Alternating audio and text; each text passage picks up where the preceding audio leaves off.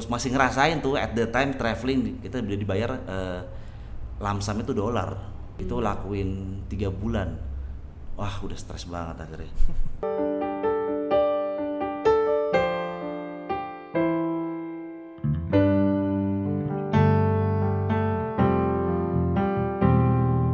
Hai, kembali lagi bersama kita di program JYP Jakayut Podcast. bersama gue Vera. Dan gue Yansen dan saat ini topik kita mengenai entrepreneurs. Kira-kira Yes. siapa sih kak yang bakal kita undang untuk kali ini? Hmm, pokoknya yang pasti dia entrepreneur milenial nih, masih muda tapi udah buka usaha nih, hebat keren sekali. nih. Pasti Cuman se- sebelum kita kenalin, gue pengen nanya dulu Yansen, lu pernah nggak sih eh, kepikiran pengen buka usaha? Eh, kalau saya sendiri sih pasti kebanyakan orang pengen dan saya tuh udah dari S- SD pengen tapi baru SMA jalanin kak. Oh, iya. Dengan cara ya waktu itu sih saya beli kue dengan harga 1000 dan saya modal waktu itu 20.000 dan saya mendapatkan 25.000. Jadi ada selisih keuntungan 5.000 itu yang belajar-belajar awal dan targetnya ya orang-orang sekitar aja, ada orang rumah kayak gitu. Enak dong ya, lumayan tau waktu zaman SMA 5000 tuh. Iya, Terus lo apa? Biasanya lo pakai apa? Lo tabung atau? Ya itu dia kak untuk nyari-nyari untuk warnet lah. Dulu kan warnet itu banget. Oh. Iya, iya, Kalau nggak main warnet tuh kayak Bener-bener. kayak buku kutu buku lah gitu. Iya iya. gaul. Tapi memang zaman waktu kita kayaknya waktu zaman lo SMA, kayak waktu eh, gue SMA juga warnet memang lagi Masih seru-serunya sih. semangat, ya. Iya iya iya iya. Jadi Cuman, eh, eh, kali ini kita bakal bahas tentang entrepreneurship dan gimana sih eh, supaya kita bisa terta- tertarik. Kan di sini penontonnya ada yang pengen tertarik, ada yang sedang tertarik dan sudah punya pengalaman. Jadi Hmm. panjang nih. Apa maksudnya gede juga eh, orang yang menonton. Jadi kita bakal ngobrol lebih lanjut lagi ke orangnya. bener banget sekarang kita langsung kenalin aja ya. Iya, pembicara kita kita eh, kali ini. Narasumber kita yaitu Bapak Mudi. Halo. Hai. kita panggil abang aja kali. Abang aja kali ya. iya masih muda kan banget. milenial Oh iya. Eh, Bang Mudi apa kabar Bang? baik baik sis waduh asik nih ketemu di Jakayut nih Iya, biasanya ini- penonton sekarang Nonton. Nah, ini pertama kali berarti ya bang ya? oh iya dong Oh berarti harus ada next nextnya nih. Iya iya. siap siap Bang, eh, sekarang em, profesi berarti pengusaha ya? ya bisa dibilang seperti itulah sudah jalan dari 2008 lah seperti itu Oh lama juga dong? lama juga lumayan lah Udah berapa bang 2008. perusahaannya? aduh it's Mungkin- not about the company lah it's about the people ya seperti Gede itu gitu tuh. Salah satu pengen buat bisnis juga, pengen buka lowongan pekerjaan bagi orang lain. Itu kan keren ya, bisa Hmm. bisa jadi berkat bagi orang lain. Karena kan kita nggak gaji, gaji satu orang, tapi yang mungkin satu orang ini punya istri atau punya anak, punya saudara, jadi bisa terbantu gitu. Iya. Betul. Kalau kita bantu satu orang, lebih jadinya kayak gitu. Tapi memang dulu abang termotivasi buka eh, pengen jadi entrepreneur apa dari cita-cita atau memang udah terjun? sebenarnya itu eh, flashback ya waktu itu sih sebenarnya karena sekolah dulu Oh, jadi 2000 eh sorry 99 Dua. 99 akhir tuh kan eh, kita skripsi lah bahasanya ya jadi kalau berarti lagi S1 ya bang ya? Ya kalau sekolah di EUP itu di sana waktu itu di Filipina mereka tuh unik kurikulumnya. Kenapa? Karena kalau misalnya di sini kita skripsi itu adalah mempelajari yang sudah ada. Kita kebiasaan kalau di Indonesia ini ke Meneliti apa yang meneliti ke kampus-kampus eh sorry ke kampus apa ke perusahaan meneliti. Nah kalau ini enggak kita harus making something namanya feasibility study. Jadi we create our own business dari nol itu ya bang? dari ya? nol itu sih awalnya jadi ingat waktu itu eh, kebetulan kita kan orang asing nih. Jadi eh, jurusan akuntansi tapi tetap mau akuntansi mau manajemen mau bisnis mau apa pun itu eh, harus ada FS-nya seperti ada, itu. oh, oke. jadi kita group of people empat orang eh, harus bikin nih ide bisnisnya apa. Nah itulah chapter 1 sampai chapter 5 dan 6 tuh kita harus defense. Itulah awal mulanya dikenalin. Apa sih sebenarnya entrepreneur? Itu blank kan? Artinya kita kan background keluarga juga nggak ada yang pengusaha gitu kan seperti itu. Jadi kalau mau cerita jadi waktu itu eh, dapat ide bisnis eh, apa yang menarik waktu saat itu ya 99 di Manila ya di, Hmm, di 99. EUP Silang. Apa nah berempat teman teman orang Indo nih kira-kira Hmm. apa ya kita bikin? Karena memang kita waktu itu ngelihatnya adalah pembangunan kita bikinlah namanya Halo Block waktu itu. Halo masih ingat banget Halo FS Block. ini Batako Eh, gimana tuh bang? Berarti ngebuat batako gitu bang? iya kita bikin perusahaan Batako waktu itu Wow. Oh. betulan-betulan di maksudnya da- terdaftar ke PT atau cuman jadi karena sifatnya itu ilmiah ya feasibility Iya. study jadi kita bikin chapter pertama artinya kenapa pilih Batako kita kan bikin market study kan otomatis kan artinya kenapa pilih itu terus ya UKM lah ya bahasanya Iya, saat itu ya jadi kita datang ke dosen nih datang ke dosen terus ngobrol kira-kira eh, karena eh, chapter 2 nya itu kita harus kasih modalnya berapa jadi bayangin kita orang asing disuruh cari duit tuh minimal kalau nggak salah berapa peso 100 juta rupiah saat itu kita harus cari eh, siapa yang mau modalin dan itu Investor nggak ya? Investor. yes Oh. dan itu nggak boleh orang tua Modal- kita Oh. Oh, gitu. harus bener-bener banking itu kayak rekening lah rekening orang ada 100 juta dan dia kasih surat gitu sign letter kalau misalnya dia interest sama kita punya proposal Hmm. jadi bayangin waktu itu usia masih ya let's say 21. masih 20-an lah ya udah mau tamat kita orang asing kebetulan waktu itu eh, gue disuruh marketing nih Oh, artinya bagiannya bagi-bagi. Iya. temen ada yang jaga accounting Hmm. Emang jurusan accounting tapi nggak interest emang dari dulu. Makanya dibilang siapa nih yang mau jadi marketingnya? Gue bilang gua aja deh marketingnya. Nah tugasnya marketing paling berat. Cari investor. Cari investor. Hmm. Bayangin kita udah keterbatasan orang nggak kenal. Nah jadi waktu itu eh, idenya adalah gimana cari investor dengan cara ketok rumah. Jadi waktu itu sekolahnya di Silang. Jadi kalau Silang tuh kan kayak kayak Dunai kita main lah ke Lembang lah, Iya. rumahan kan. Hmm. Jadi kalau dari Silang itu dari itu sekitar mungkin eh, setengah jam lah kita cari perumahan. Gue ketok-ketok rumah men waktu itu. Gak Bukan kenal rumah tuh, dosen ya? gak kenal tuh. Rumah orang, warga, Nggak kenal rumah warga. Wow. mau mau cari 100 juta tuh. Punya 100 juta. Jadi waktu itu gue ditemenin sama teman gue, kita berempat. Dua nih jago accounting nih. Dia yang bikinin financial model segala macam, gue Iya. berdua orang lapangan lah kan. Hmm. Nah, jadi kita ke ketok-ketok ya mungkin orang ke 31 kali ya yang akhirnya terima kita. Wow. Ada yang diketok dibilang mau ngapain gitu kan, ada appointment apa gitu kan. Karena kan kita udah kayak ya mungkin Dikira debt collector mau kali ya. ngapain gitu kan ketok-ketok anak muda. Bingung juga Tapi kan kita ya? rapi, kita pakai tag Oh, sekolah, pakai tag. ya kan. Itulah kan akhirnya eh, ketemu lah nih orang ke istilahnya tuh inget banget tuh minggu ketiga tuh karena waktu itu eh, bulan keberapa kita harus submit. Jadi kalau tanpa eh, letter itu, tanpa buku tabungan itu fail harus cari eh, apa namanya bisnis lain karena kan artinya nggak dapat investor Iya. kan. Hmm. Kan ada kan interest tahapan gitu ya. awalnya. Akhirnya kita ketemu lah nggak tahu kenapa tuh ibu-ibu tuh kamu orang asing katanya mau ngapain nih kami dari kampus nah untungnya dibagi mereka tuh biasa gitu karena mereka juga mengalami saat itu kan jadi itu udah kurikulum nasional memang untuk membuat FS kan feasibility study akhirnya dapat dia mau pinjemin tuh buku tabungannya dipinjemin terus eh, kita bilang assign letter tolong di eh, di assign kan di tanda tangan kita bawa ke sekolah gitu kan. Udah nih sir kita udah dapat investor. Baru bisa tuh jalan tuh chapter berikutnya.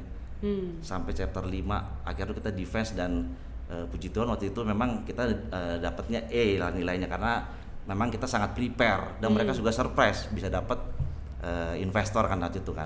Ya itulah awal mulanya dikenalin sebenarnya ya, dari sekolah Langsung dipaksa gitu kenal bisnis. ya? dipaksa ya itu ya mungkin nggak tahu ya apa jalan Tuhan juga tapi itulah pertama experienceku ya artinya experience gue untuk ngalamin eh, ini loh rupanya kalau mau nyari bisnis Hmm.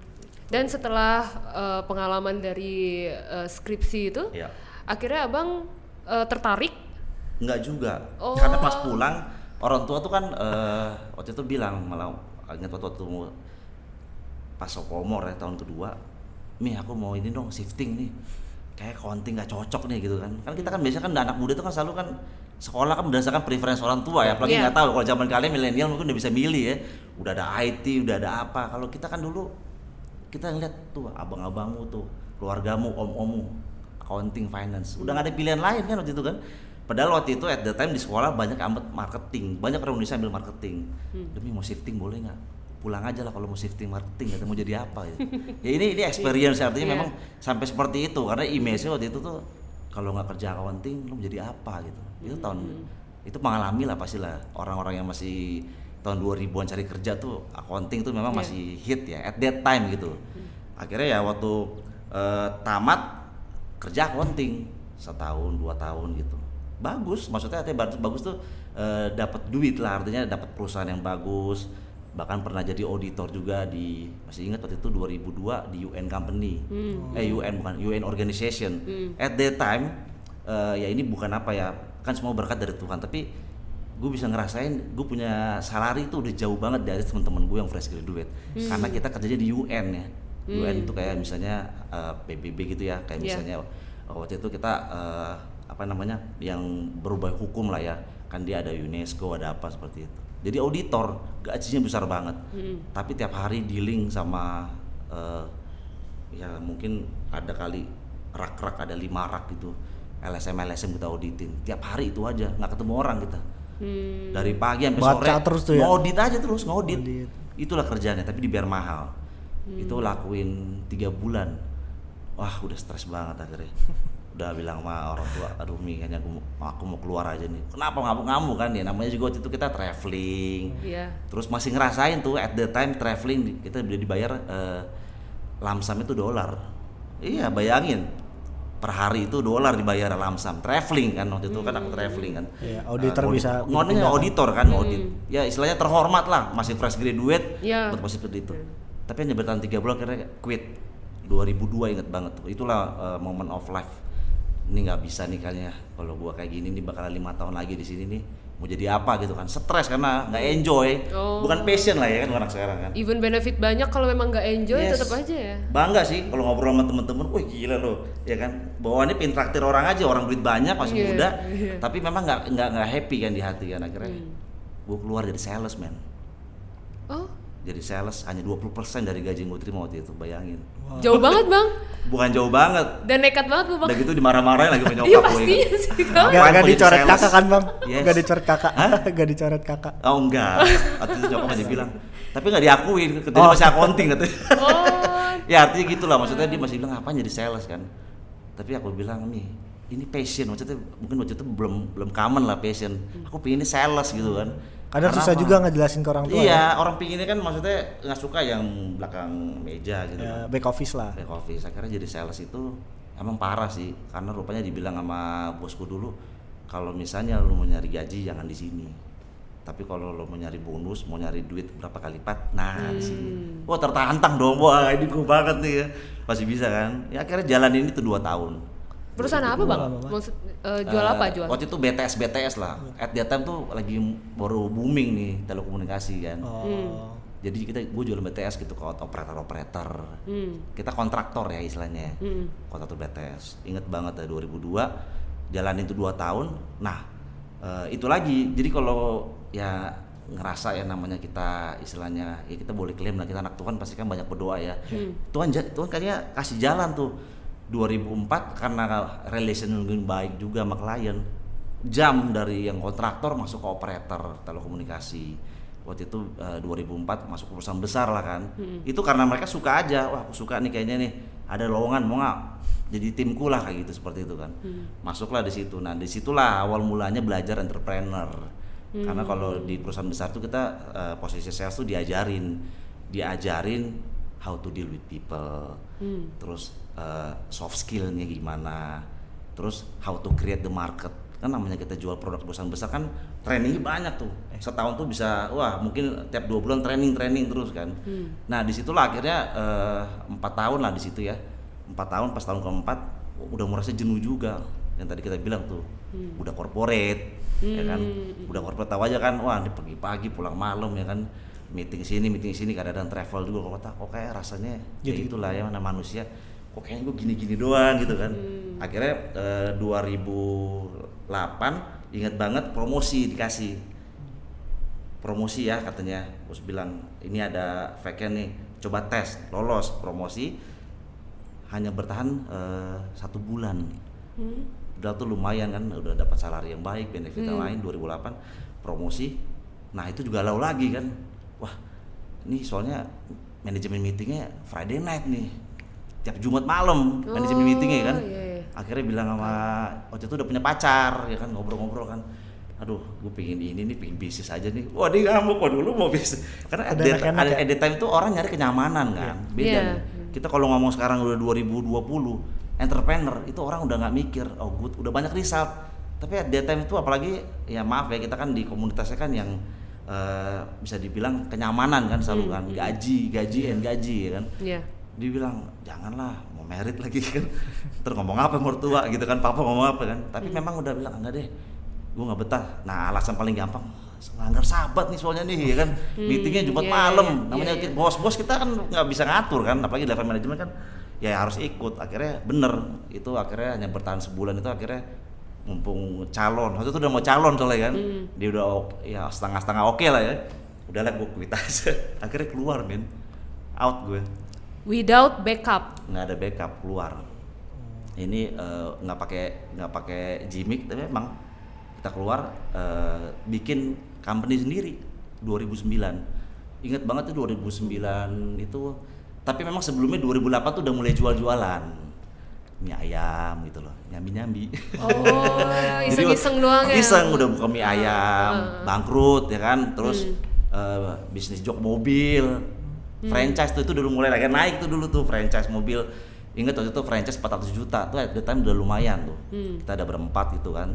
Teman-teman sekamar dulu di kampus bikin bangkrut. Jadi nyokap tuh bilang lu bisnis bangkrut mulu mau jadi bisnismen gitu kan. Hmm. Tapi ya memang itu eh, memang nggak ada orang yang bisa eh, yakinin kita waktu saat kita apa kita decision the most important thing in our life. Yang ada adalah apa kita punya nyali sama kedua ya ngarepin dengkul aja kan masa sih kita berdoa nggak dibantu sama Tuhan kan ya itu ini eh, pengalaman tapi memang ya kita rasakan akhirnya 2009 gue merit Oktober ya itu statusnya itu bener-bener baru build company kadang-kadang ada duit kadang-kadang enggak. Bener-bener company baru Yes. Dan itu juga dari nol. yes kita build Dan company. ditentang juga. Hah? Ditentang maksudnya kan. ya artinya kalau nggak disupport. inilah ya tapi memang waktu itu yang penting kan dulu calon gue kan oke kan itu aja Oh, iya. kita kan kalau Iya calonnya sih. udah oke nyali ada kan namanya anak muda kan ya udahlah dia akhirnya bilang ya udahlah memang eh, memang dia bilang kenapa sih gue percaya sama lo deh pasti bisa. Oh ya udah. Oke langsung Pasangan Membara lagi tuh.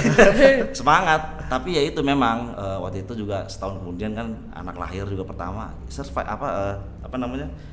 Eh, bisa dibilang struggle emang. Mulai bisnis itu struggle artinya eh, banyak yang artinya gini loh udah deh beli lebih baik lo misalnya eh, corporate lagi. Ada kadang-kadang kan kita misalnya curhat sama temen kan malah dibilang kan lo punya CV bagus tuh. Ada nih lowongan GM di mana gitu. Itu juga ada kadang-kadang headhunter nelpon mau nggak nih masuk ke sini? Namanya kita di industri telco kan kecil kan. Tapi memang eh, waktu itu nggak tahu kenapa karena punya teman-teman dan lingkungan juga yang dukung eh, join lah di salah satu organisasi pengusaha waktu itu. Karena waktu itu gue pikir ini kayaknya nggak bisa nih gue nggak punya channel nggak punya network. Karena kan eh, kita eh, sadar sekolah dari SD sampai SMA sampai kuliah di Advent. What do you expect gitu loh eh, networking ya sedangkan kita kan ketemu sama dunia luar yang which is harus deal sama A sama B sama C institusi A sama B C C. Kan mikir-mikir apa yang kita bisa join nih? Di mana nih yang bisa eh, escalate ya? Artinya cepat gitu. Jadi kita bisa ketemu sama teman-teman pengusaha yang mau ngebantu kita punya eh, networking. Ya akhirnya join. Jadi pengusaha ini di himpunan pengusaha ini join. Ya banyak banget yang diperbantukan. Dan di situlah banyak motivasi. Karena kan kita join itu eh, sama juga organisasi dari departemen kita ketemu orang ketemu pengusaha-pengusaha besar. Nah itulah booster kita dari gue sendiri ya booster. Wah mimpi gue nggak boleh nggak boleh gagal nih. Kok ini orang-orang bisa kok? Dan gue rasa kayaknya gue lebih smarter dari teman-teman gue ini yang istilahnya eh, mereka malah lebih parah gitu ya maaf ya artinya kalau kita ngomong di sekolah juga nggak sekolah ya kan Iya. tapi bisa sukses nah Bisa, itu iya, banyak. nah akhirnya belajar satu hal rupanya jadi pengusaha nggak boleh apa nggak boleh tinggi hati itu aja udah Oh, syaratnya eh, rahasianya. Rahasianya itu aja. Jangan tinggi hati. iya gua ketemu sama kan macam-macam pengusaha nih ya ada pengusaha nih ada yang kayak kita nih ini ada yang terjunin langsung kecelakaan lah kan tiba-tiba jadi usaha ada yang memang di prepare dari familynya udah keluarganya tuh udah dari atas tuh udah ya bahasanya sultan ya. Hmm. kakeknya sultan ya kan? Bapaknya sultan kayak anaknya tujuh turunan sultan, lah. cucunya sultan lahir we udah sultan gitu. Beda nih. Nah tapi belajar dari mereka ya karena kita di apa himpunan usaha ini pengusaha ini mereka tuh low profile banget gitu loh. Bahkan mereka bisa mau menerima kita tuh yang nobody gitu ya. Tapi mau sharing bisnis gitu kan. Jadi akhirnya belajar lah sama mereka rupanya apa sih eh, kok lu bisa bisa sustain itu berapa generasi? Rupanya mereka apa? Semuanya rendah hati. Mereka nggak ada yang nih gua anak tajir apa apa. No. dia starting from zero juga dan mereka semuanya juga nggak dicemplungin yang dikasih modal gitu enggak jadi itulah eh, tahapan yang dari awal sampai dengan 2000 eh, sekitar 2012 itulah eh, boosternya ya maksudnya escalate prosesnya lah seperti itu Oke. Oke bang, di sini tuh eh, waktu denger abang, aku ada beberapa pertanyaan. iya Aku kepikiran tuh eh, saat abang buat bisnis, pasti kan ada gagal-gagalnya tuh. Ada tadi kan abang nggak cara detail kayak misalnya karena apa, karena apa gitu. Aku pengen tahu sih seberapa beratnya buka bisnis Ya. dan mungkin ada ganggu-gangguan yang seperti apa yang bisa di-sharing mungkin bagi kita penonton bisa oh jadi kalau buka bisnis ada tantangannya seperti ini nggak yang cuman masalah modal masalah SDM ternyata lebih kompleks lagi nih masalahnya. Kira-kira apa sih bang? Mungkin bisa ceritain selama ini buka Iya bro, jadi kalau yang kemarin itu eh, memang kita bisnis by emotion yang awal-awal. Buka mie ayam, franchise itu kita padahal udah dikasih basic di sekolah tuh udah ada FS kan, chapter 1 sampai 5 itu kan harusnya udah basic banget. Tapi kalau kita bisnis by emotion ya, pingin ini atau nggak ikut orang, itu kita nggak lakuin. Nah akhirnya resultnya kita nggak bisa minimal risknya itu, ya makanya itu terjadilah bangkrut lah, produk yang nggak nggak nggak diterima di pasar seperti itu. In detailnya sih waktu itu pas mie ayam ya buka itu sebenarnya rame tempatnya hanya tempatnya rame. Wah warnet wah rame nih buka di situ kan. You know what? Digerebek men karena narkoba orang di situnya. Eh, apa? Nah, tiba-tiba ada yang bilang di situ ada tempat narkoba. enggak karena memang orang warnet itu kan mungkin ya oh ngerti kontrolnya kan kurang berarti ya? Ya kita kan hanya di luarnya aja kan. Namanya juga Hmm. kan dulu kan pemula kan. Ada tempat space katanya yang punya warnet. Sewa aja di sini katanya. Hmm. rame. Tapi digerebek warnetnya. Tutup dong warnetnya. Ya kita udah selesai. Nah itulah itu yang pengalaman-pengalaman yang kita nggak lesson learn itu nggak dilakukan. Homeworknya lah kalau orang sekarang bilang nggak doing the homework gitu. Harusnya kan bikin dulu FS-nya kan kalau mau bisnis nah itu jadi eh, kalau saran gue sih memang ya harus kembali lagi harus bikin dulu FS-nya feasibility study-nya kira-kira jadi jangan by emotion biarpun kita punya modal tapi tetap harus ada ininya Cuman walaupun kita bikin study itu kan bang, ya kita kan based on em, apa ya prediksi kita lah Iya. gitu. Padahal prediksi kita itu eh, belum tentu 100% benar. Tiba-tiba ada lagi datang yang kita nggak nggak prediksi gitu, ya. nggak sangka-sangka. Ya, gue nggak kepikiran nih sama ini gitu kan. Dan itu membuat bangkrut. Nah itu gimana? Mental mental abang gimana? Nah itu, jadi kan tadi kan yang pertama rendah hati ya, yang gue belajar nih. Iya. Yang kedua mental. Jadi artinya pokoknya kalau mau bisnis itu siap bukan siap untung, siap rugi. Kalau gue mindsetnya gitu. Mentor gue ngajarin gitu, bisnis itu siap untung, eh siap rugi. bukan Mindset siap kita benar-benar harus eh, siap rugi ya, siap loh. rugi. Bukan rugi, siap. siap Oh harus siap rugi, Siap bukan rugi. bukan dipaksa untuk merugikan. enggak Enggak lah, pasti enggak. kalau maksudnya biar kalau jadinya. misalnya kita Kalau kita rugi kita nggak Bayang- stres paling nggak.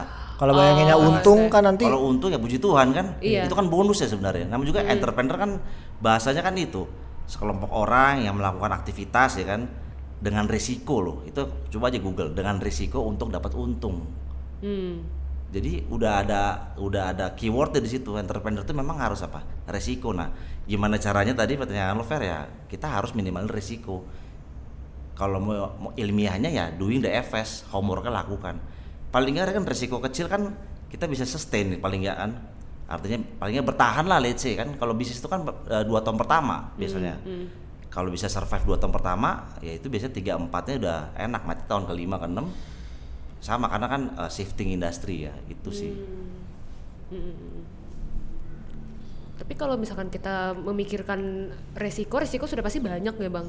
Tapi kalau kita mikir-mikirin terus, aduh nanti ada resiko ini, ada resiko ini, ada resiko ini, Em, bukannya itu bakal jadi faktor kita jadi ciut lah, maksudnya Iya. terhalang lah kita untuk buka usaha. Ya sebenarnya kembali ke situ lagi kan artinya kalau kita udah tahu risikonya kan kita bisa minimal risikonya kan. Artinya dengan kita minimal risikonya itu nyali kita harus tambah besar dong. Contohnya gini deh misalnya nih kita mau ke Bandung nih wah ini kita kan lihat biasa kan sekarang orang minimal risikonya lewat pakai pakai Waze kan atau nge Google Maps kan. Itu kan sebenarnya minimal risiko paling nggak gue ngurangin macetnya deh. Kalau macetnya gue udah tahu nih ya kan. Apalagi misalnya lagi hari libur gitu kan. Nah sama juga kan di bisnis kan seperti itu resikonya kita lihat dulu nih. Paling nggak bahasa gini lah kalaupun lo rugi nggak rugi-rugi banget lah gitu. Oh, jadi eh, modal kita itu mental kita tuh naik gitu loh. Paling nggak tadinya kita misalnya mikir waduh kalau misalnya mau naik ke angka tangga satu apa dua ini berat jadi lebih ringan. Karena kan kita udah tahu di, di pikiran kita paling gue ruginya segini misalnya let's say. Secara materi waktu gue rugi habis segini. Terus yang ketiga misalnya secara apa pengalaman gue pasti kan akan nambah. Kan nanti kan dihitung plus minusnya itu sih. Makanya doing the homework tuh penting banget sih. Kalau gue dulu by emotion bisnis memang. Kalau sekarang ya mungkin karena udah banyak tagihan di rumah jadi udah lebih lebih smart lah. Artinya Oh, iya. kalau mau nungguin sesuatu tuh bikin dulu DFS-nya gitu. Karena kan sudah banyak yang ini juga sudah banyak yang tergantung sama kita kan. Artinya eh, udah banyak pegawainya udah semakin tambah.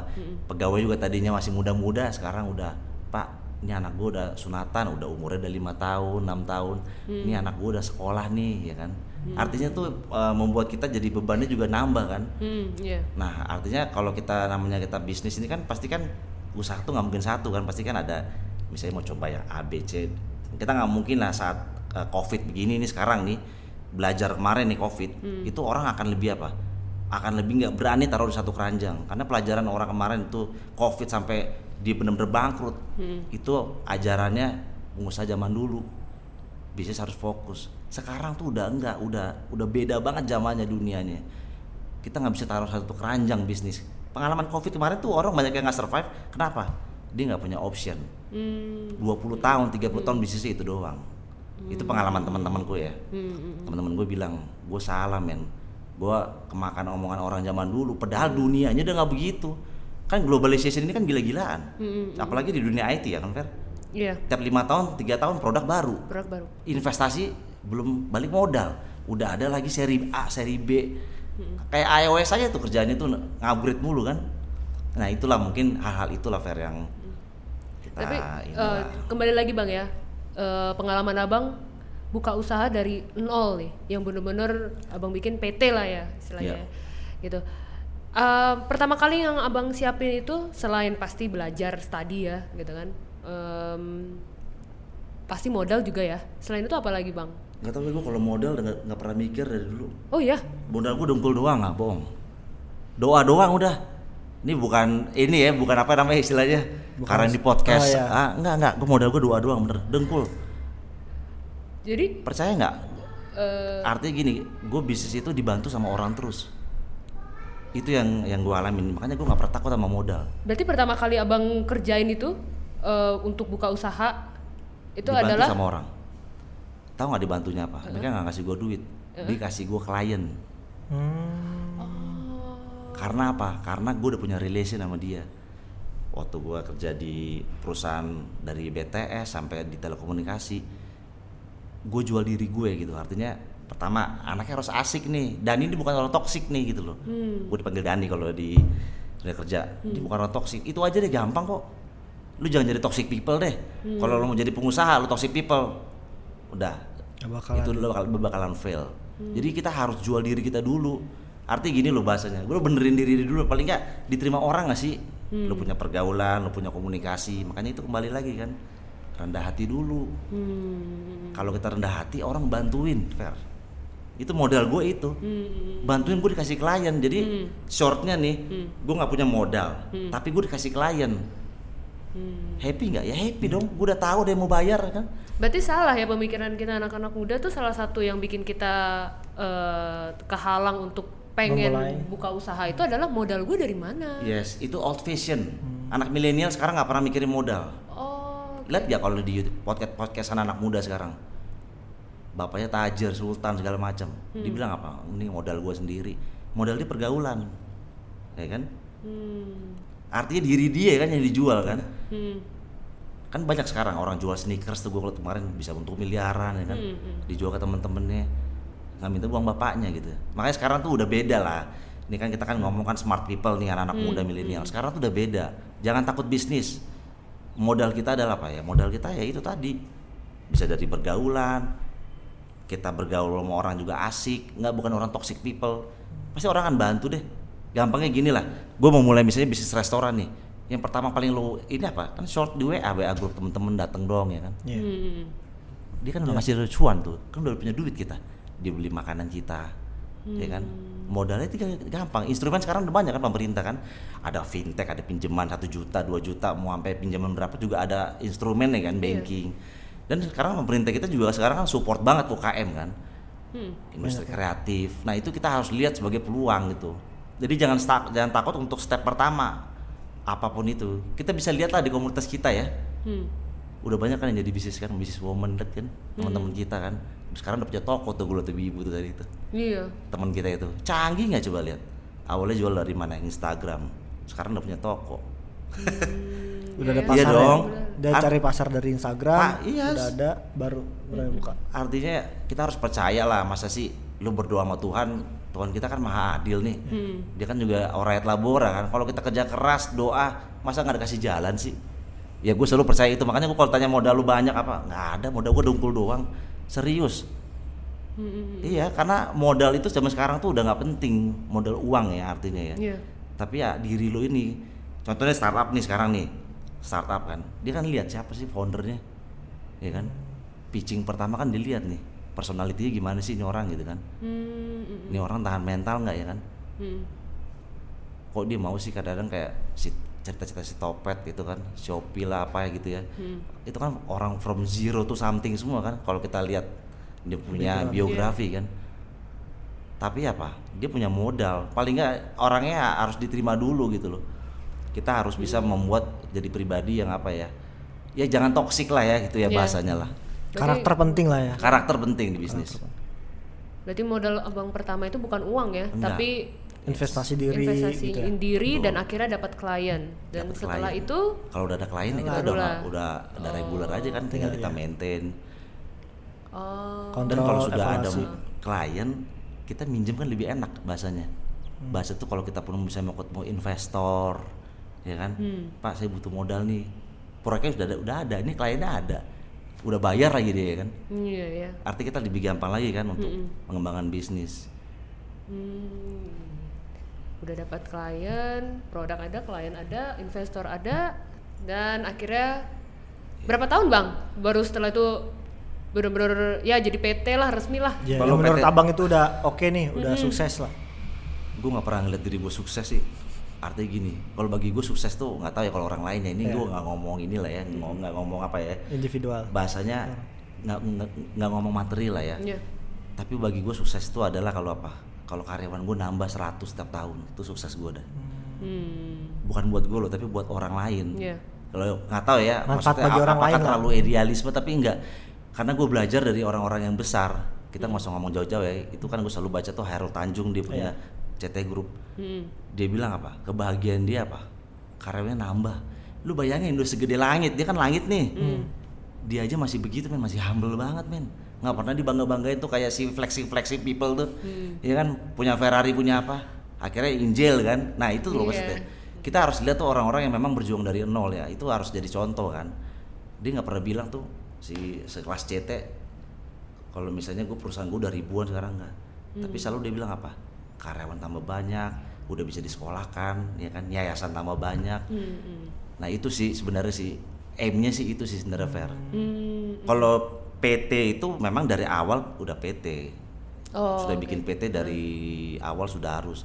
Karena kalau syarat syarat kita di pemerintah kan memang harus itu kan. Harus PT harus iya PT. iya benar.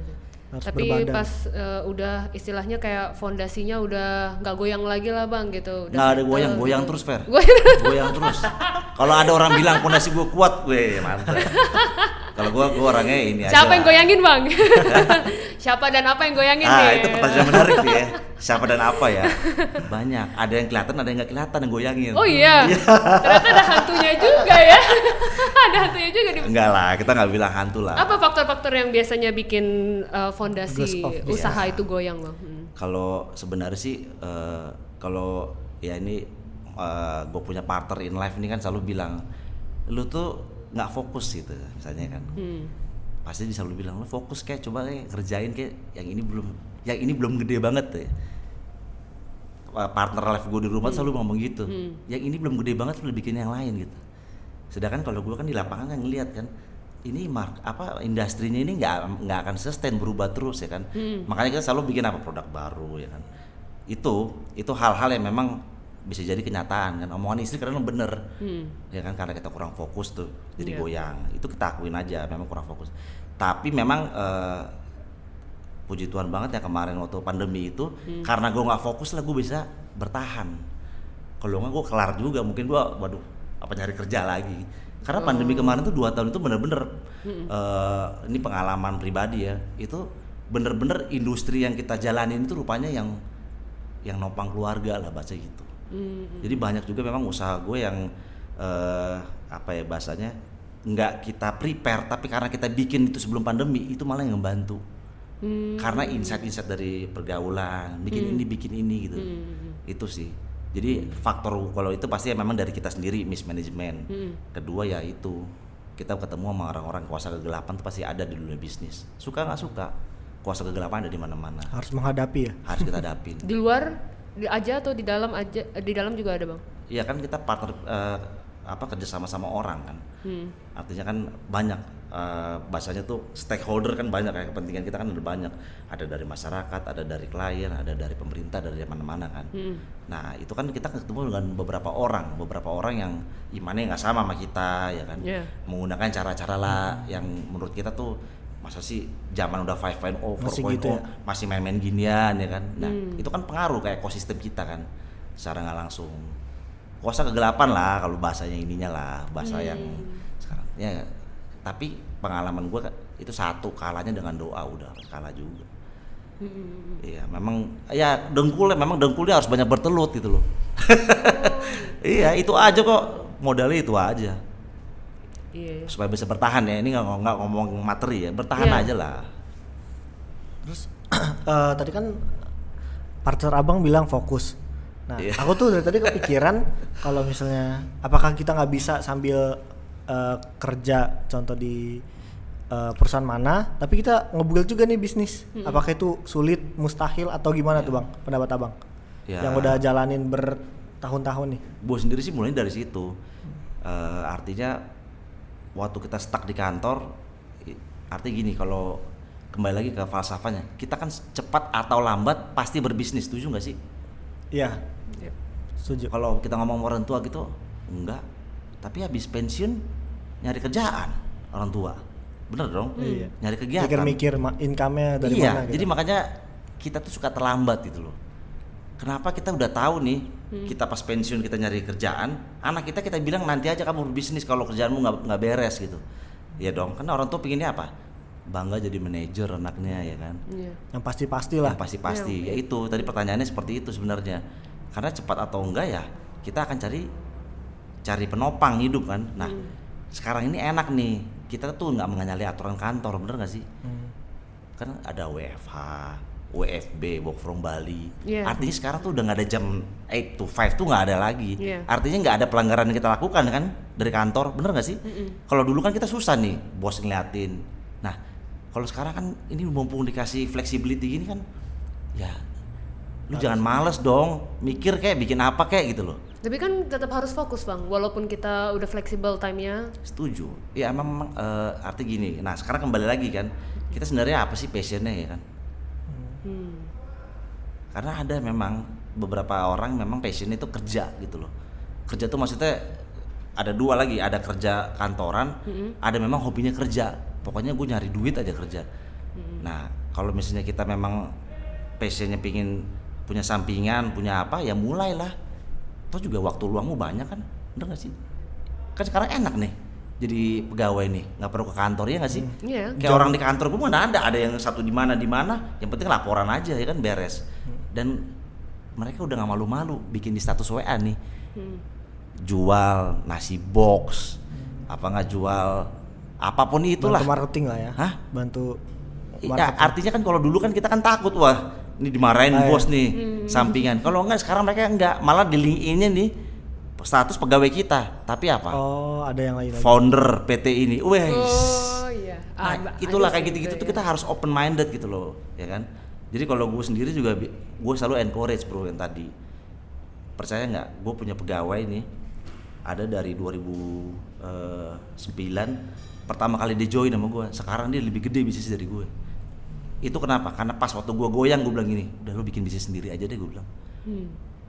karena nih orang nih gue liat ini banget nih eh, apa namanya Getol, getol. persisten ya dia melebihi gue persisten yang ngejar banget ya kalau sesuatu kan gue bilang lu bakalan sukses tapi gue nggak punya modal udah lu keluar dulu dari sini gue bilang daripada lu hanya dapat gaji ya keadaan segini kan kantor itu lagi goyang kan lu keluar aja gue bilang wah gimana nih? Anak gue udah satu. Gue bilang gue juga mulai juga dari situ kok.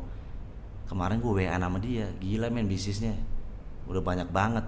Dan dia udah happy udah beli rumah udah beli apa. Jadi menurut gue itulah yang tadi lu tanya Fer. Kesuksesan gue nah ini nih.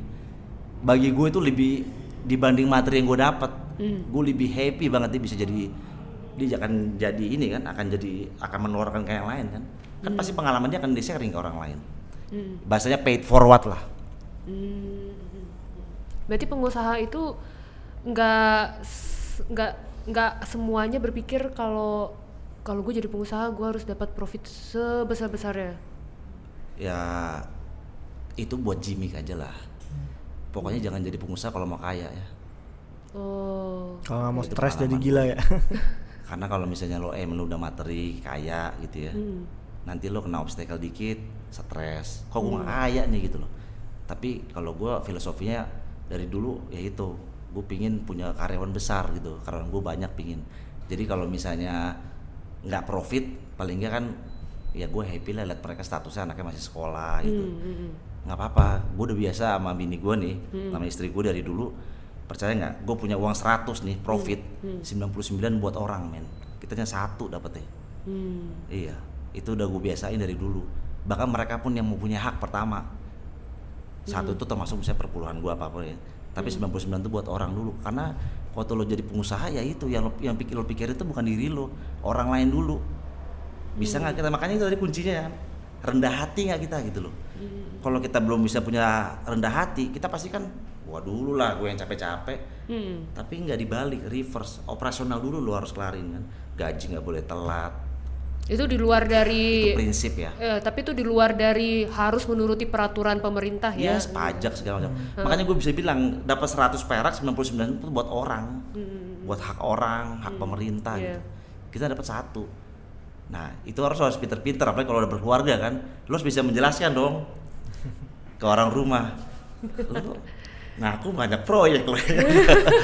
Iya Kan dong. yang di bawah segini doang. Ya, artinya ya maksudnya itu itu boleh ya gue jawab ini. Itu Iya. next itu next interestingnya loh kalau udah berkeluarga lo Hmm. akhirnya tau nggak gue kan capek ya berapa tahun ya gue cemplungin mini gue sekarang ke bisnis iya istri gue gue cemplungin ke Iya bisnis ya biar biar di, Yes. biar lo tahu ya biar Gini lo loh, gitu keadaannya. Yes. loh, gitu. awal-awal dia enggak gue. gue nggak mau nggak mau Ah. di atas sisi kan paling gampang kan paling gampang caranya orang cemplungin ke bisnis apa cari aja dia punya passion apa gitu Tapi gue penasaran bang. Em, eh, pasti dong abang tadi cerita adalah pengalaman terpuruk lah ya. Iya. Tapi dari sisi ekonominya perusahaan lah, gitu kan. Apalagi waktu pandemi kemarin.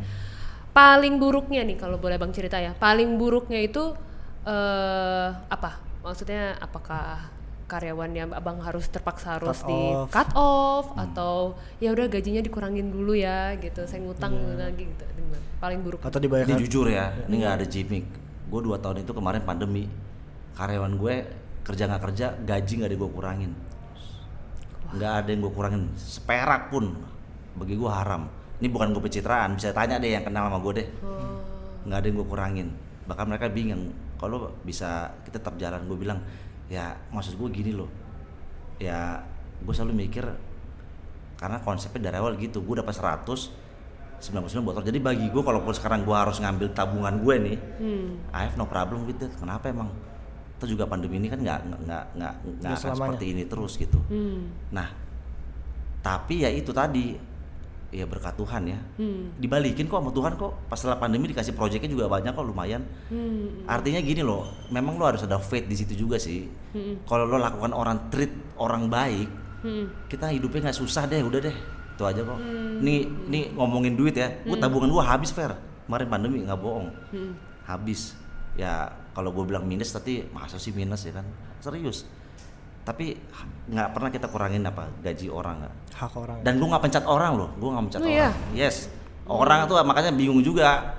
Dia nggak ngapa-ngapain masih lo gaji. Gue bilang kan ya kan ini udah part part of my life udah lama sama gue gitu kan. Hmm. kenapa gue harus pecat orang? gitu itu sebenarnya paling gampang tuh momen ngurangin pegawai pas pandemi. Kita nggak dilawak nggak di nggak dimarahin pemerintah nggak dimarahin sama keluarganya dia nggak dimarahin sama orang sekeliling. Lah pandemi hak hak orang dong mau pandemi semua susah. Hmm. Iya kan? Tapi gue belajar di situ ya mungkin ada masukan juga kan. Udahlah kalau misalnya lo mau mau sesuatu yang baik bikin yang baik. Bahasanya ya itu. Nggak ada lo kok ruginya eh, lakukan sesuatu yang apa yang yang saat ini lo rasa nih ini kok bego ya mungkin bahasa orang gitu ya Hmm, orang lain bisa ngekat bisa apa gitu tapi ya itu gue udah jalanin sih pengalaman sih Hmm, berarti benar dong apa yang dibilang Alkitab. Kalau kita banyak beri, Yes. justru malah kita banyak nerima. Ini Bang, bang udah buktiin berarti ya? better ya better giving than receiving Iya. that's true Wah, ya hebat hebat.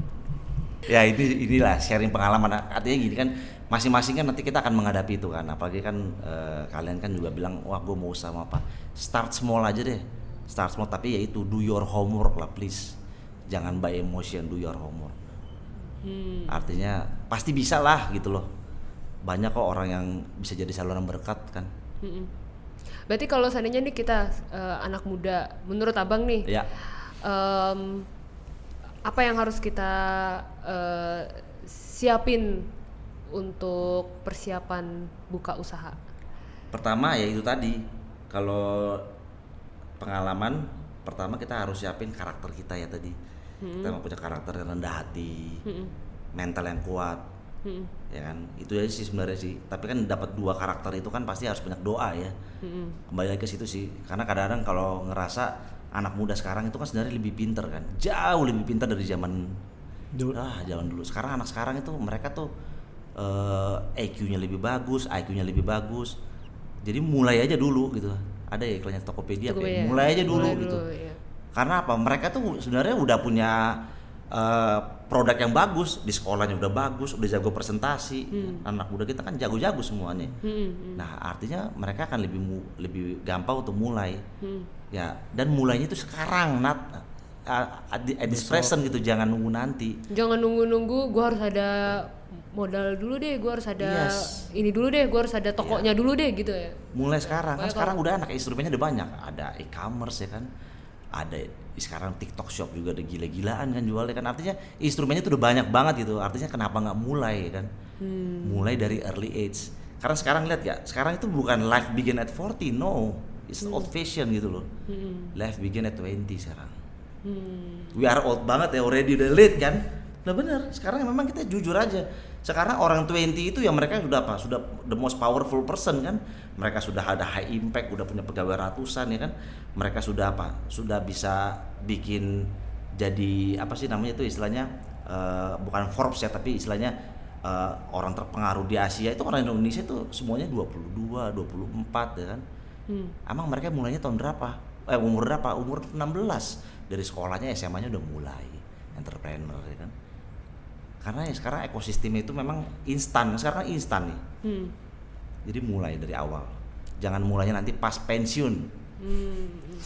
Pengalaman kita nih sama orang tua nih, jangan pensiun baru nyari proyek, Bos, ya kan. Jujur aja kan? Iya. Iya. gitu. Oh iya ya. Berarti harus karakter itu paling Yes. ya. Baru Early age.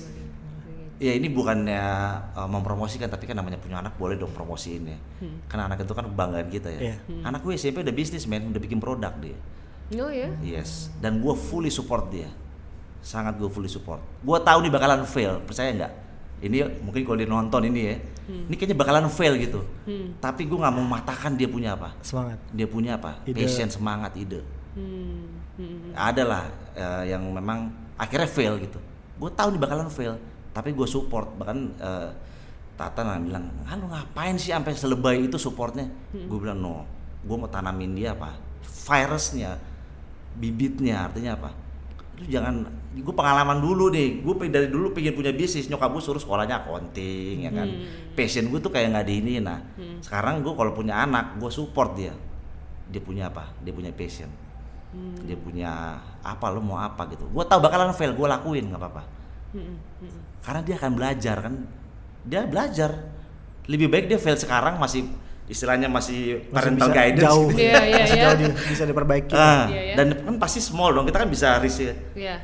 tapi kan bagus dia udah udah pernah merasakan kan fail kan dia Memang- merasakan fail di early age hal yang paling mahal juga itu adalah pengalaman tuh. benar karena kadang-kadang kalau denger cerita tuh emes aja kayak oh iya gini tapi kalau kita Iya. ngerasain tuh sampai detik kita suka-suka lupa tuh pasti misalnya udah tua nih pikun tetap aja tuh masih keinget Iya. betul memori itu Iya. Dan eh, mentor gue bilang kalau lu gagal bisnis bukan berarti lu kembali dari nol. Ada nggak pernah bilang lu kalau eh, gagal bisnis sih gue kembali dari nol. Banyak kan orang bilang gitu. No man, anak tangga lu udah lima. Emang proses dari satu ke lima lu nggak hitung, oh iya ya kan? Gue jujur 10 lebih gue bisnis gue gagal, nggak bohong Fer. 10 lebih, nyokap gue tuh udah marah-marah sama gue. Lu ngapain sih bisnis terus? Iya. Yang mamilnya tuh gagal terus, nggak bohong. Tapi kan pengalaman gue dong, artinya itu yang sesuatu yang nggak bisa dibeli dengan materi, waktu ya kan. Hmm, hmm, Ya palingnya kan nyokap gue bisa lihat sekarang gue masih bertahan, palingnya bertahan lah, ya kan. hmm, hmm. Dan dia bisa lihat juga, ya ini berkat Tuhan semua ya, bukan karena kehebatan gue. Dia bisa lihat dong pegawai gue ada ya kan. Iya. Dan mereka udah merasakan kan, artinya berkembang eh, pegawainya ada. Gue gue nggak pernah ngomong materi deh. Palingan nyokap gue bilang oh iya ya, kan palingnya dia ngakuin kan anak gue nih memang kepala batu nih ya kan. Hmm, Tapi kan kita juga harus buktikan sama orang tua dong. hasilnya terlihat lah Hmm. Iya paling nggak lah kita buktikan lah nggak sia-sia lah ini kita di Perjuang. Eh, ya bahasanya dikecilin orang. Hmm. Waktu lu fail tuh lu dicaci maki sama orang, sama pegawai lu, lu di jelek-jelekin ya kan. Ah lu membego kali tuh apa memang eh, Iya. mismanagement ini Iya. pasti dong namanya lu dipecat orang kan pasti lu nyalain bos lo kan. Iya. Apakah waktu dia happy terima gaji pertama dia nggak ingat itu ya kan? Hmm. Cie, gitu ya. ya kan? Terus apa rahasianya abang tuh terus b- ayo gue buka lagi deh gue apa yang bikin abang itu nggak pernah apa trauma gitu loh sama sama failed gitu. Ya pertama tagihan banyak, udah banyak tagihan kan. Kedua ya jujur aja, masa gue balik lagi ke corporate ya kan? Ya dong. Eh, Itu ada pasti namanya manusia saya Diego kan. Masa gue ngelamar lagi nih sama teman-teman gue ya kan. eh, Itu jadi dan eh, kembali lagi kan gue lihat orang-orang juga semuanya orang Kentucky itu juga keberapa dia? Berapa ratus ya baru di approve ya? Resepnya Kentucky KFC itu ya kan ada ceritanya. Iya, iya ada ada Ya artinya nggak maksudnya langsung karena kita nggak tahu kan ini bisnis kita yang keberapa kan. Tapi paling nggak karena gue nggak nyari materi, ya udahlah kalau mau tutup yang penting kan gue kasih makan orang gitu. hmm, Jadi gue terus terang gue nggak kapok, Fer nggak kapok. nggak kapok. Nggak ya? kapok. Oh, iya. Kan paling nggak kan gue happy. Orang paling nggak gue ada pegawai, mereka makan, mereka bisa sekolahin anak. Iya, Karena eh, gue nggak pernah aimnya tuh untung, gue nggak mau aimnya untung. Berarti memang mindset kita itu Mindset gue, gue rubah ini aja. ya, Jadi harus nggak pernah stres men, asli. Gue nggak pernah stres. Itu kemarin eh, kita punya usaha tutup tuh pas pandemi. Bisnis bini gue lagi kan di pertama kan, Tata kan baru bisnis pertama tutup. Tapi gue bilang gini, nggak apa-apa lo tutup. Tapi lu udah ngerasain kan. Sekarang nih bisnis kedua ketiganya gue kasih, dia mau aja tuh ngerjain. Karena apa? Dia udah ngerasa kan, wah enaknya gue punya pegawai, gue jadi saluran berkat, bisa ngabar Injil kan. Hmm, Jadi percaya deh, itu hal-hal yang nggak bisa dibeli dengan materi. Hmm. Kadang-kadang kita kalau ngerasa ya kan ini orang kok apa namanya eh, udah sekaya itu tetap aja dia bikin perusahaan terus kan. Hmm. Apa nih orang candu, apa nih orang nggak nggak mau capek gitu kan. Hmm, Tapi apa coba kayak sekelas Bakri itu udah tua. Ada dia selalu bilang kebahagiaan gue adalah karyawan gue itu. Hmm, hmm. Terus bang, kalau soal penginjilan ya, ya Iya. kita kan minoritas lah termasuk lah ya. Eh, dan gue eh, keinget sama hari Sabat. Biasanya kan usaha-usaha kita ya pasti lebih ber- lebih banyak dapat modal lah kalau bukanya pas weekend gitu. Sedangkan kita kan gereja, Iya, iya. apalagi hari Sabat. Bener. Nah itu bagaimana bang?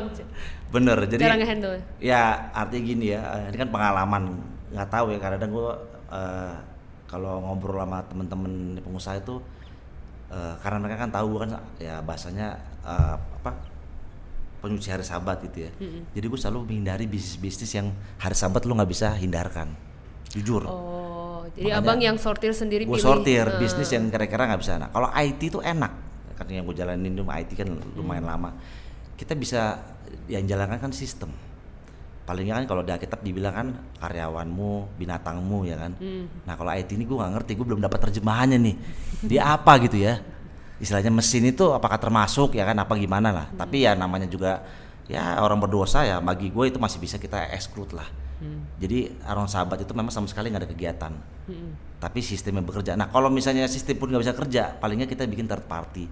Jadi sebisa mungkin kita harus ada idealisme memang mengenai sahabat ini bisnis. Third party aja yang ngerjain. Artinya misalnya vendor partner itu kan kita nggak bisa kontrol ya. Yang bisa kita kontrol adalah yang saham yang kita punya kan kalau perusahaan kan. Hmm. Artinya beban kita itu hanya itu aja. Tapi kalau di luar itu ya bukan it's not my obligation dong. Orang mau bekerja orang namanya itu dia vendor apa apa gimana kan gitu. Kan kita nggak bisa dong the whole world kita suruh hey you stop semuanya hari sabat. Hmm. Iya dong. Artinya limitasinya akan ada. Yang kita bisa kontrol stop, yang kita nggak bisa kontrol ya kita udah kasih tahu nih silakan aja gitu. Hmm. Itu sih mungkin yang Iya ya, strateginya menarik ya. Dan kalau nge-build relasi ya. ya kita kan kalau bergaul kita beda ya bang ya karena kan nggak boleh minum nggak boleh Yes, ngerokok yes. gitu kan padahal mungkin Ya. teman-teman abang relasi abang itu ya Pergaulan seperti itulah. ya gitu. Nah, itu abang gimana nih? How ya itu itu maintain? itu memang eh, positioning kita aja sih. Kalau kalau di brand kan marketing kan tuh ada namanya positioning diferensiasi gitu ya. Produk kita kan produknya produk sahabat nih. Sahabat tuh turunannya banyak kan ya. Wah Advent kan paling banyak nih turunannya kan. A sampai Z lah kan yang nggak bolehnya. Selalu gue bikin positioning di pergaulan. Artinya waktu join juga di ini di teman-teman yang memang pengusaha itu mereka selalu tahu itu loh gue nggak ngerokok nggak ini nggak ini nggak ini. Dari awal itu, itu sama kayak kita ngelamar kerja kok nggak sulit. Begitu lo interview pertama nih bos gue nggak bisa sabtu masuk. Hmm. lu nggak akan disuruh masuk on the next day. Tapi begitu lo interview bilang oh iya pak. Ya nanti ya pak. Kalau saya mungkin nanti Usahain. saya bisa. Hmm, hmm, itu kan excuse itu yang membuat kita apa dikejar orang ya kan? Hmm. itu sih pengalaman gue sih. Dan mereka apresiasi kok. Karena mereka basically eh, kalau apa namanya di dunia usaha itu kan kita kan sejajar kan lo bisnismen gue bisnismen lo mau triliunan gue mau UKM satu juta Hmm. tetap sejajar dong oh, artinya oke. mereka appreciate kok kita punya pergaulan juga mereka kan kita kan beratar belakang banyak ada yang dari yang lain Hmm, hmm. nggak ada isu sih itu sebenarnya Oh ya, as long as kita menjaga prinsip kita Dari pertama ya, dari tapi ya. gitu dia gue percaya itu Matius itu garam dan garam dan terang Hmm, hmm. Jadi kalau lo bikin perbedaan, garam itu kan udah beda kan lo kan. Artinya kan garam itu kan ya lo udah beda sama yang lain nih. Hmm. Udah pasti lo terang nggak berikutnya? Iya dong. Iya. Itu aja sih. Yang penting Eh, jangan sampai nggak iya. asin lagi nih garamnya ya. Ya, karena kalau lo udah dari awal udah iya, sama, iya. lo bagaimana mau mau switching gitu loh. Kemarin kayaknya lo gitu deh. Iya ya. Ini ada roh kudus apa nih? Betul lah. Ya sebenarnya Ah, ya memper, mempersulit itu kayak diri kita sendiri. Kita nggak usah kecil hati lah. Kalau memang kita nggak seperti tapi memang kembali lagi lebih penting lagi lo asik dulu deh daripada lo jelasin lo nggak ini nggak ini Hmm, hmm, di pergaulan nih ya. pergaulan dulu ya. Mereka akan lebih appreciation kalau misalnya lo itu orang pribadi yang pribadi yang apa ya bahasanya jangan toksik deh gitu ya. Oh. Dibanding lo menjelaskan A B C D gitu. Hmm. Bener. Ternyata sudah terbongkar semua rahasia-rahasia how to be a good entrepreneur gitu Iya, bahkan kan. Orang liatnya kayak Bang Budi ini hebat banget gitu, tapi kan kadang-kadang orang nggak tahu ya iya. eh, sekompleks apa untuk sampai sekarang nih bertahan istilahnya atau Bener. bisa berkembang grow. Amin. Tapi masih inilah masih seperti tadi yang lo bilang fair, nggak ada yang sustain fair kalau bisnis. Hmm. Iya, ombak terus. Iya. I- Yes. Walaupun udah triliunan ya. Ah, pasti tetap ada aja. Pastilah, ya. kan kalau makin tinggi pohon kan makin banyak Kenceng. nih Hmm. angin. Angin. Makanya jangan pikiran profit terus ya. Hmm. Tapi jadi saluran berkat aja udah. Itu Saluran aja, berkat, saluran berkat aja udah. Simple aja lah bikin lah. Bener. Uang juga nggak dibawa mati, men. Bener, bener juga. iya, Iya, nggak dibawa iya. mati. Ngumpulin banyak-banyak tiba-tiba mati. Iyalah. Bener ya, bener juga ya. Berarti eh, hari ini kita udah banyak lah mendengar. Bener, udah banyak ilmunya, teori-teorinya gitu kan. Kita udah tahu lah ya. Berarti kita sebagai anak muda jadi semakin termotivasi kan untuk jadi entrepreneur ya. Berarti udah langsung Harus dong. langsung mulai ya, nggak ada kata Iya. besok lagi ya. Nggak. Harus nunggu Langsung dari lakuin. ya kalau udah bisa menganalisa, udah bisa jalan silakan. Berarti abis podcast ini kita Langsung dong. Ya, Nanti kita bikin grup kalau perlu. Oh, iya. Iya kan? Iya bisa tuh. ya. Mulai dari Bagus, apa? Bang. Iya dong. Gitu kan. Kita bikin grup gitu Jaka entrepreneur ya iya dong, Cakep. harus dong. Percaya nggak? Gue sekarang banyak belajar dari kalian-kalian yang muda. Karena kalau misalnya di dunia bisnis tuh, mereka yang lebih pinter loh. Mereka yang punya networking, mereka yang punya kayak kayak apa ya? Kayak ekosistem itu mereka yang punya.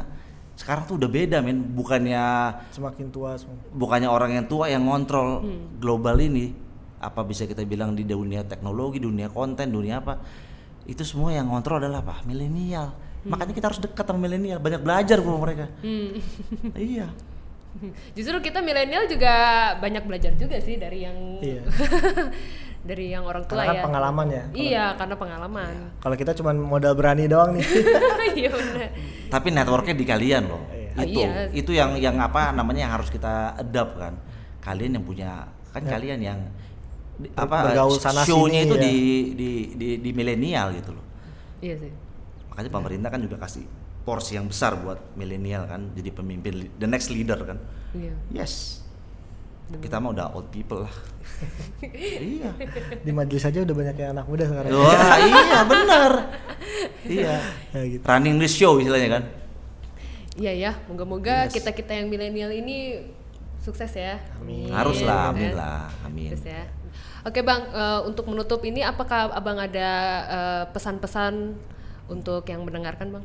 Ya kalau dari ini ya dari yang kita bicarakan hari ini pokoknya ada tiga hal lah ya. Kalau misalnya ada buku The Secret itu kan bilang kan selalu kan apa yang kita pikirkan itu akan kejadian itu memang benar. Tapi ilmu dunia itu kan selalu Tuhan terakhir ya kan. Ya mungkin episode ini doa dulu lah. Doa yang pertama udah pasti. Kita andalkan Tuhan. Yang kedua adalah kita apa? Harus mempunyai rendah hati. Ini memang yang paling paling sulit nih. Hmm. sama yang ketiga mental yang kuat. Udah the rest God will do udah. Hmm. simple is that Iya, Kunci sukses Bang Budi. iya. Tips sukses bang Budi dan kunci kita jadi entrepreneur nih. Rendah hati. Tiga itu aja dilakuin, kalian pasti bisnisnya jalan. amin Karena udah terbukti nih Bang Budi Iya, dan sudah bukan Bang Budi juga yang apa yang berhasil gitu, tapi karyawannya yang tadi udah ceritain juga belajar dari Bang Budi dan lakuin gitu. Iya, dengan benar. Seberani. Dan akhirnya ya sama-sama sukses gitu. Oke, thank you so much ya Thank bang. you, ya. Thank you. Udah datang, terima kasih nih thank you. meluangkan waktu. Sukses ya kita Youth Podcast. Mantap. Thank you guys. Kasih. Sekarang kita tutup ya. Oke. Thank you so much for watching and listening. Jangan lupa untuk terus menonton dan subscribe eh, YouTube channel kita dan follow IG dan sosial media lainnya. see you on the next episode ya. Dah. dah